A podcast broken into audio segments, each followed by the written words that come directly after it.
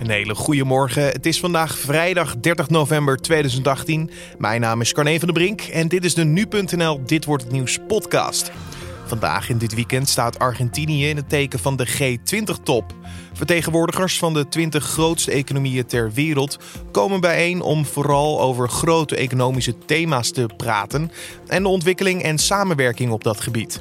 Maar ja, is er wel genoeg gesprekstof? Nou, als je een hele hoop wereldleiders bij elkaar zet, dan zijn er natuurlijk allerlei dingen die spelen. En er is uh, in de, afgelopen tijd ook wel het uh, een en ander gebeurd. Uh, op het internationale politieke toneel. We gaan er straks verder over praten. En vanaf dit weekend is het officieel winter. En dit jaar stond toch wel in het teken van een extreem warme en droge zomer. Maar krijgen we dan ook gelijk een extreem koude winter? Je hoort het straks. Maar nu eerst het belangrijkste nieuws van nu. De secretaris-generaal van de Verenigde Naties, Antonio Guterres, heeft gezegd dat de internationale organisatie hard werkt aan het realiseren van betekenisvolle vredesbesprekingen in Jemen. Die moeten nog voor de jaarwisseling beginnen. Hij zei geen valse verwachtingen te willen wekken vanwege een aantal teleurstellingen die hebben plaatsgevonden. Maar hij hoopt dat de besprekingen binnenkort worden hervat. Schaatsbond KNSB zou in 1985 de diefstal van urinestalen van schaatsters Ria Visser en Yvonne van Gennep uit een dopingslab in de doofpot hebben gestopt. Dat meldde de Volkskrant en andere tijden sport. Zij spraken met Douwe de Boer, destijds stagiair bij het dopingslab en tegenwoordig dopingsonderzoeker. Die stelt dat bondsarts Rob Pluimers het koffertje met de urinestalen zou hebben gestolen. De destijds 20-jarige Van Gennep en de 23-jarige Visser verbaasden in 1985 bij het EK in Groningen door als tweede en vierde te eindigen.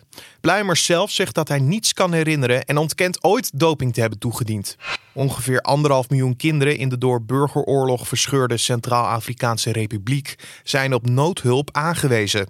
VN-kinderrechtenorganisatie UNICEF maakt zich ernstig zorgen over de toenemende hongersnood in het land. Zeker 43.000 van de kinderen in nood zullen in 2019 levensbedreigende honger lijden. Verder heeft bijna ieder kind in het straatarme land bescherming nodig tegen strijdende groepen. De omstandigheden zijn alarmerend, zegt UNICEF. De pakketbezorging voor Sinterklaas loopt ernstig vertraging op als gevolg van Black Friday. Zo schrijft de Telegraaf vandaag, die zelf spreekt van een logistiek nachtmerrie. Op de klachtenwebsite van de Consumentenbond bestaat de top 3 uit pakketbedrijven. In de afgelopen dagen is gebleken dat de hoeveelheid pakketten nog groter was dan verwacht. En deze hele week krijgt PostNL nog Black Friday bestellingen binnen. Zo meldt een woordvoerder van PostNL. Dat veroorzaakt helaas wat vertraging, waardoor een deel van de pakketten er langer dan de gebruikelijke dag over doet. En dan kijken we naar de dag van vandaag, oftewel dit wordt het nieuws. Vandaag in dit weekend staat Argentinië in het teken van de G20-top. Vertegenwoordigers van de 20 grootste economieën ter wereld komen bijeen om vooral over grote economische thema's te praten en ontwikkeling en samenwerking op dat gebied. Waarom deze G20 zo beladen is, dat vroeg ik aan nu.nl-redacteur Matthijs Lelou. Nou, als je een hele hoop wereldleiders bij elkaar zet, dan zijn er natuurlijk allerlei dingen die spelen. En er is uh, in de, afgelopen tijd ook wel het uh, een en ander gebeurd. Uh, op het internationale politieke toneel. Um, nou goed, uh, om maar een aantal van die kwesties te noemen. We hebben natuurlijk Oekraïne. Waar in de laatste week zijn de spanningen daar tussen Oekraïne en Rusland aardig opgelopen. Vanwege de Russen die hebben drie Oekraïnse schepen hebben ze beschoten en in beslag genomen. De bemanning gevangen genomen. Um, nou ja, goed, in het licht van de Russische annexatie van de Krim in 2014 is dat natuurlijk al een gebied uh, waar er zijn aardig wat spanningen daar. Um, nou ja, vervolgens uh, hebben we nog de handelsoorlog tussen China en, uh, en de VS, die ook de gemoederen aardig bezig heeft gehouden de afgelopen tijd. En we hebben natuurlijk de zaak Khashoggi, de Saudische journalist, die verdween tijdens een bezoek aan het Saoedisch consulaat in de Turkse stad Istanbul. En uh, tot slot uh, is er natuurlijk ook het een en ander gepubliceerd de laatste tijd over het klimaat. met de waarschuwingen van onder andere de VN dat de opwarming van de aarde toch echt de CO2-uitstoot echt moet worden teruggedrongen. Dus uh, ja, er, er, speelt het een en ander. Ja, dus genoeg om over te praten in ieder geval. Laten we beginnen met de situatie Oekraïne. Want dat was de reden uh, ja, voor Trump, president Donald Trump, om het gesprek tussen hem en uh, Poetin van Rusland niet door te laten gaan. Ja, klopt. waarom? Nou, dat besluit dat, kwam een beetje op een raar moment. Dat is pas donderdagavond werd dat, werd dat bekend. En dat was gek genoeg vlak nadat er het een en ander in het nieuws was over Michael Cohen, de oud-advocaat van Donald Trump. Die heeft bekend te hebben gelogen tegen het congres over zijn contacten met Russen. Dus, en, en opeens komt dan ook de melding dat Trump op de G20 niet met Poetin zal praten vanwege wat er in Oekraïne gebeurd is. de Amerikaanse president liet in een verklaring weten dat hij eerst wil dat de kwestie daar wordt opgelost. En dat hij daarna wel bereid is om eh, zijn eh, Russische ambtsgenoot te ontmoeten. Ja, is dit nou gelijk een smet op de G20 op deze manier?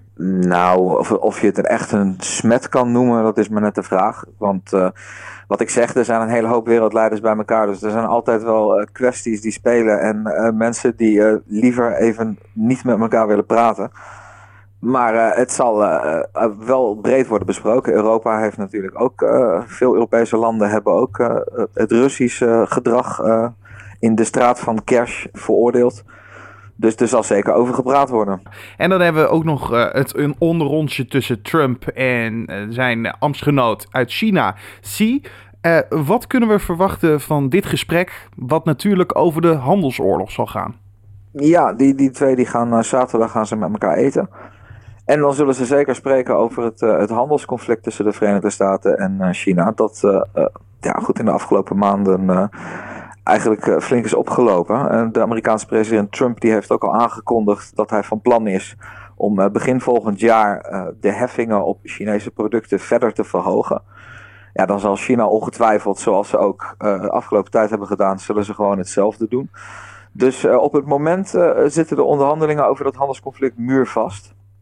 Maar uh, Xi en, en Trump uh, gaan toch proberen om er met elkaar uit te komen. Is dan zo'n G20 het moment om zo'n handelsoorlog dan uh, nietig te verklaren, om het op te lossen? Of ja, is het nou, dat, meer formaliteit?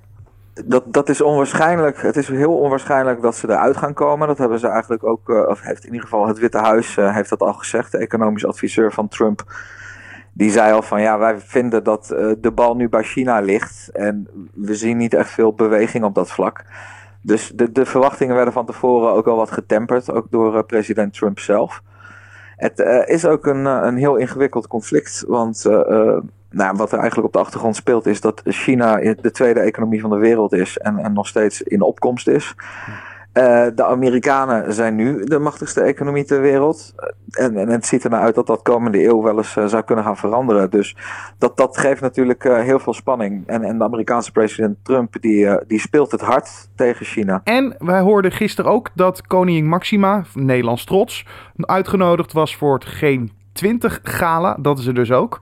En voor zover ik weet, is koning Maxima niet de enige die avond van adel. Nee, dat is zeker, ze is zeker niet de enige. Want uh, de man die uh, waarschijnlijk wat meer aandacht zal krijgen dan, dan onze koningin, is de Saoedische kroonprins Mohammed bin Salman. Die natuurlijk de afgelopen tijd flink in het nieuws is geweest en flink wat kritiek over zich heen heeft gehad.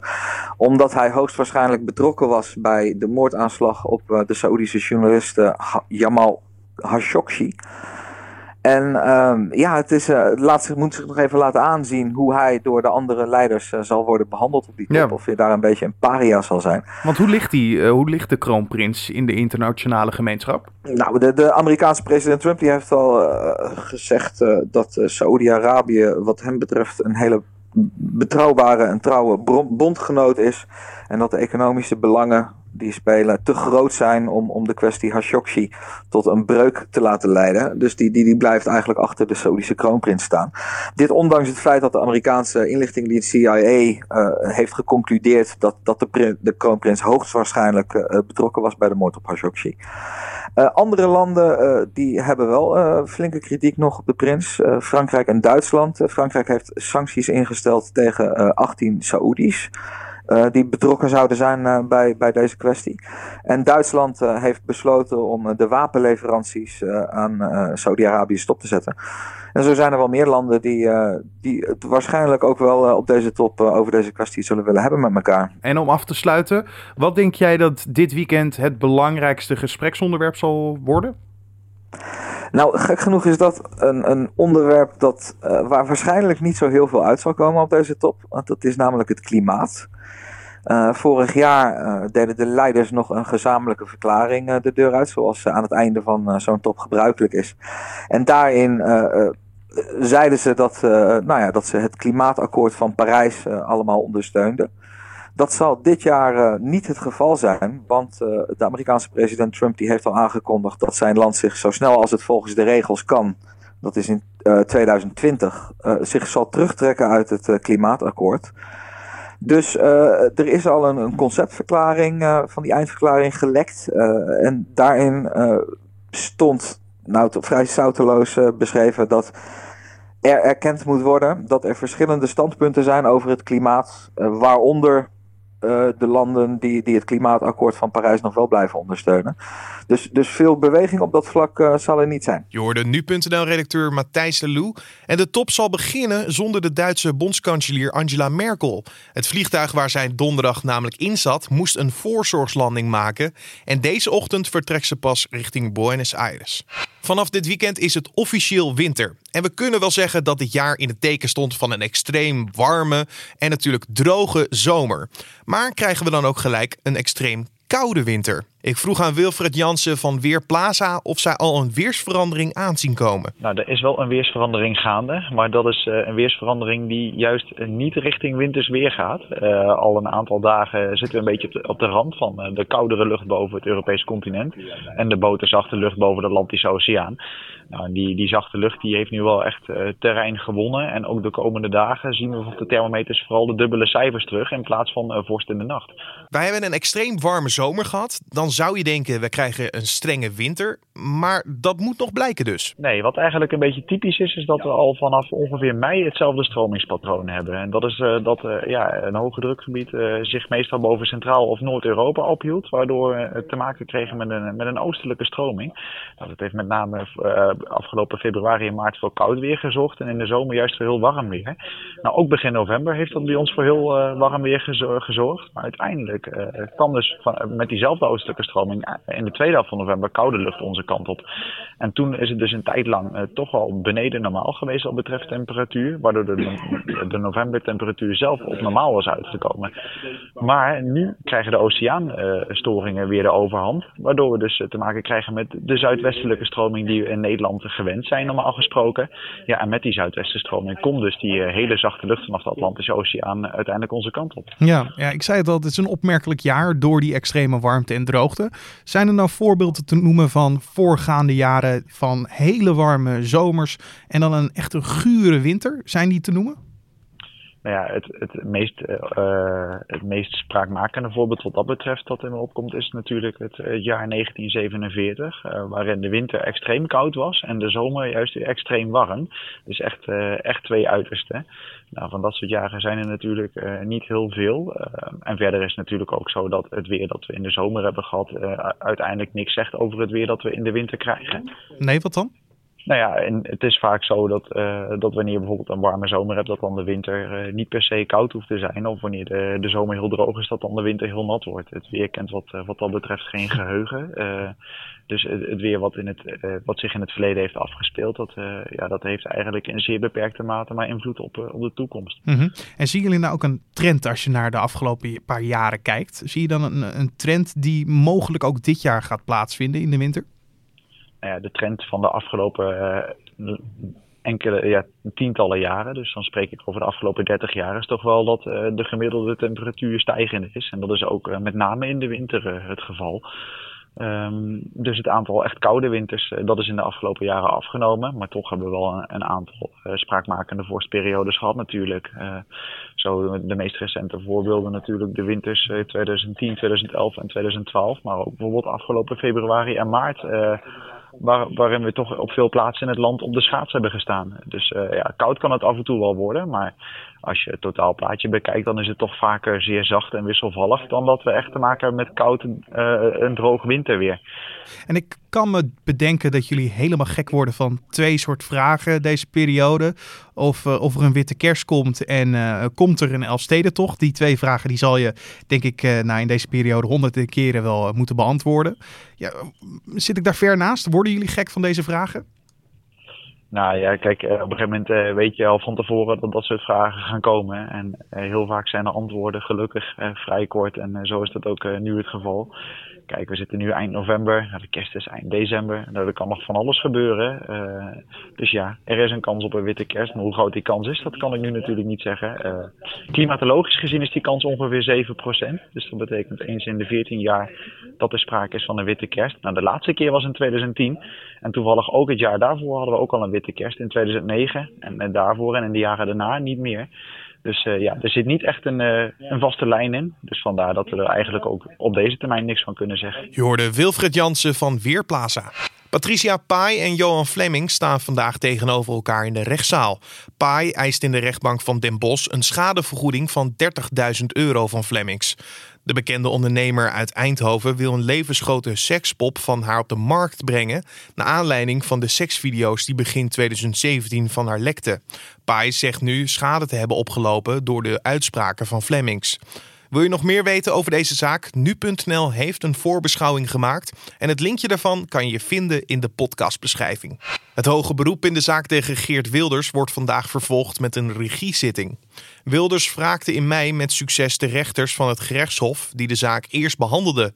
Daardoor moesten nieuwe rechters worden gezocht die tijd nodig hebben om zich voor te bereiden. De PVV-leider staat terecht voor zijn minder Marokkanen-uitspraak in 2014. De rechtbank veroordeelde de politicus in 2016 voor groepsbelediging en het aanzetten tot discriminatie van Marokkanen.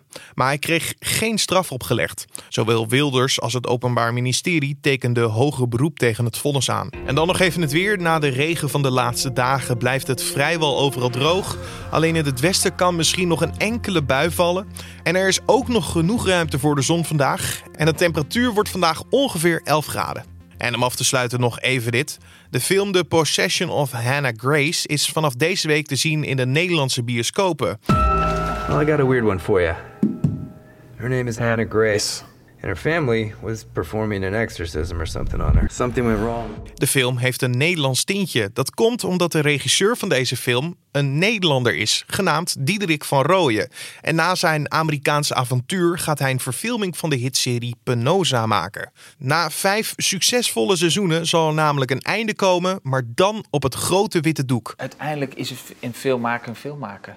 Dus je moet, je moet wel, je moet, het gaat meer in je hoofd over denken. Penosa is natuurlijk een heel ander ding. Dat is gewoon mijn kindje geweest, uh, bijna tien jaar lang. Dat moet gewoon episch afgesloten worden. Dus het is een soort, het is, het is toch, elk project zie je gewoon, uh, heeft zijn eigen regels. We mogen nu, uh, het mag een einde hebben, zeg maar. Maar gewoon, en dat bij een serie mag het, geen, mag het natuurlijk nooit echt een einde hebben. Voelt het lekker? Ik vind dat fijn, ja. Ik vind, en, en voor iedereen, het is gewoon fijn om met z'n allen dat einde te doen. Dat is gewoon heerlijk. Gewoon met, gewoon met de hele club en uh, om elkaar te omhelzen. En, uh, het is toch een familie waar je... Het is toch een familie geworden. Wil je nou de hele video zien? Kijk dan op nu.nl slash entertainment of via ons YouTube kanaal. Dit was dan de Dit wordt het nieuws podcast voor deze vrijdag 30 november. Je vindt deze podcast natuurlijk elke maandag tot en met vrijdag om 6 uur ochtends op de voorpagina van nu.nl. En je kan ons laten weten wat je van deze podcast vindt. Dat kan eigenlijk heel makkelijk via een mailtje naar podcast.nu.nl of een recensie in iTunes. Mijn naam is Carne van der Brink. Voor nu een hele fijne vrijdag, een mooi weekend en tot maandag.